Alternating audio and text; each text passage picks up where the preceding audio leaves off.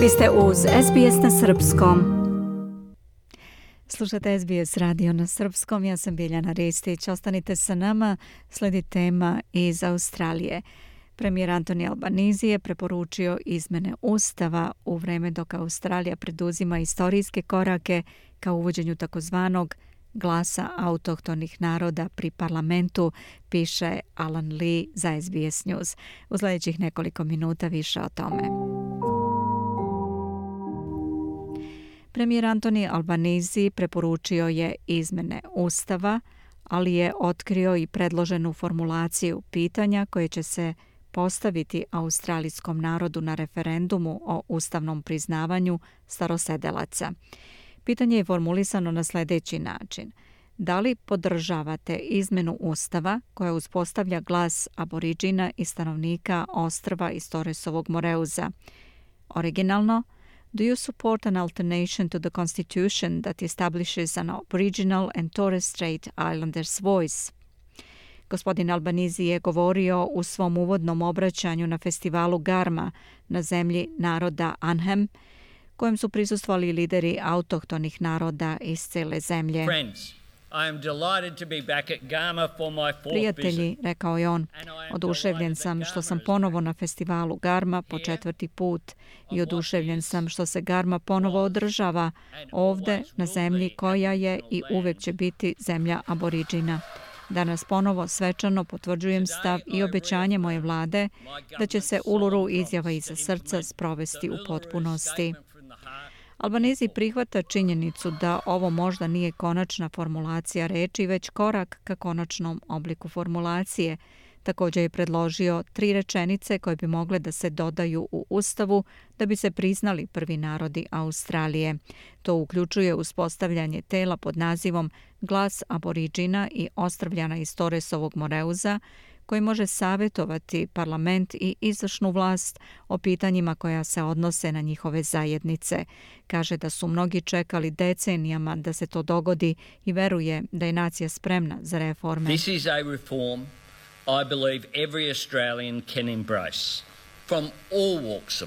Ovo je reforma za koju verujem da svi Australijanci iz svih sfera života, u svakom delu zemlje, svake vere, porekla, kulture, mogu da prihvate jer govori o vrednostima koje svi delimo i poštujemo.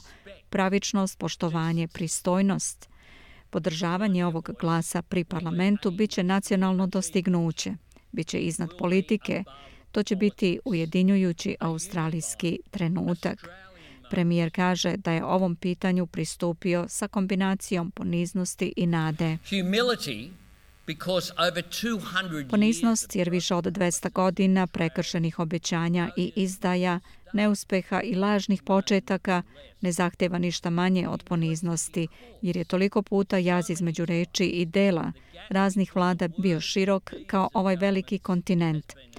Ali i nada, nada u mojoj sposobnosti kao zagovornika i aktiviste, kao šampiona za ovu stvar i nadam se, jer verujem da plima nailazi našim putem. Verujem da je momentum među nama kao nikad ranije. Verujem da je ova zemlja spremna za takvu reformu. Verujte da u australijskim srcima ima mesta za izjavu iz srca. Portparol opozicije za pitanja starosedelaca i državni tužilac u Senci Julian Lizard također na festivalu Garma Rekao je da premijerova najava jeste korak u pravom smeru. Uh, uh, Pozdravljam današnju najavu vlade o ustavnom amandmanu i pitanje koje predlaže da se postavi australijskom narodu na referendumu.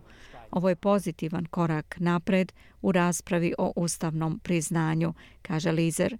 Međutim, ima upozorenje i savjet za vladu. Given we're talking about constitutional recognition, it's important that the government answers people's reasonable questions about the voice. S obzirom na to da govorimo o ustavnom priznanju, važno je da vlada odgovori na razumna pitanja ljudi o glasu pri parlamentu i ko će biti predstavnici u tom telu, kako će biti izabrani, šta će raditi i kako će se baviti pitanjima koja brinu autohtone australijance u njihovim zajednicama, Dugo sam bio uključen u ovu debatu.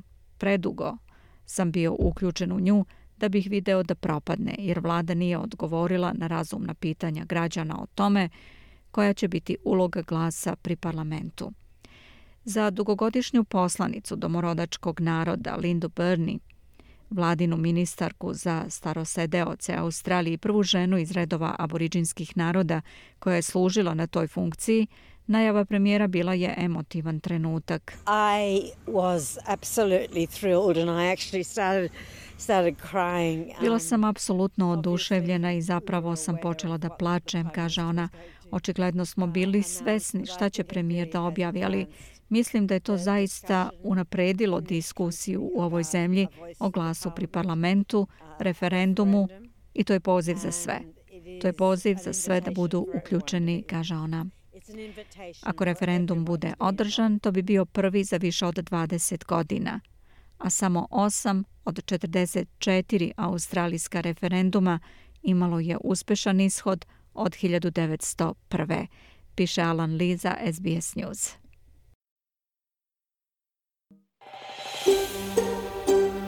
Želite da čujete još priča poput ove? Slušajte nas na Apple Podcast, Google Podcast, Spotify ili odakle god slušate podcast.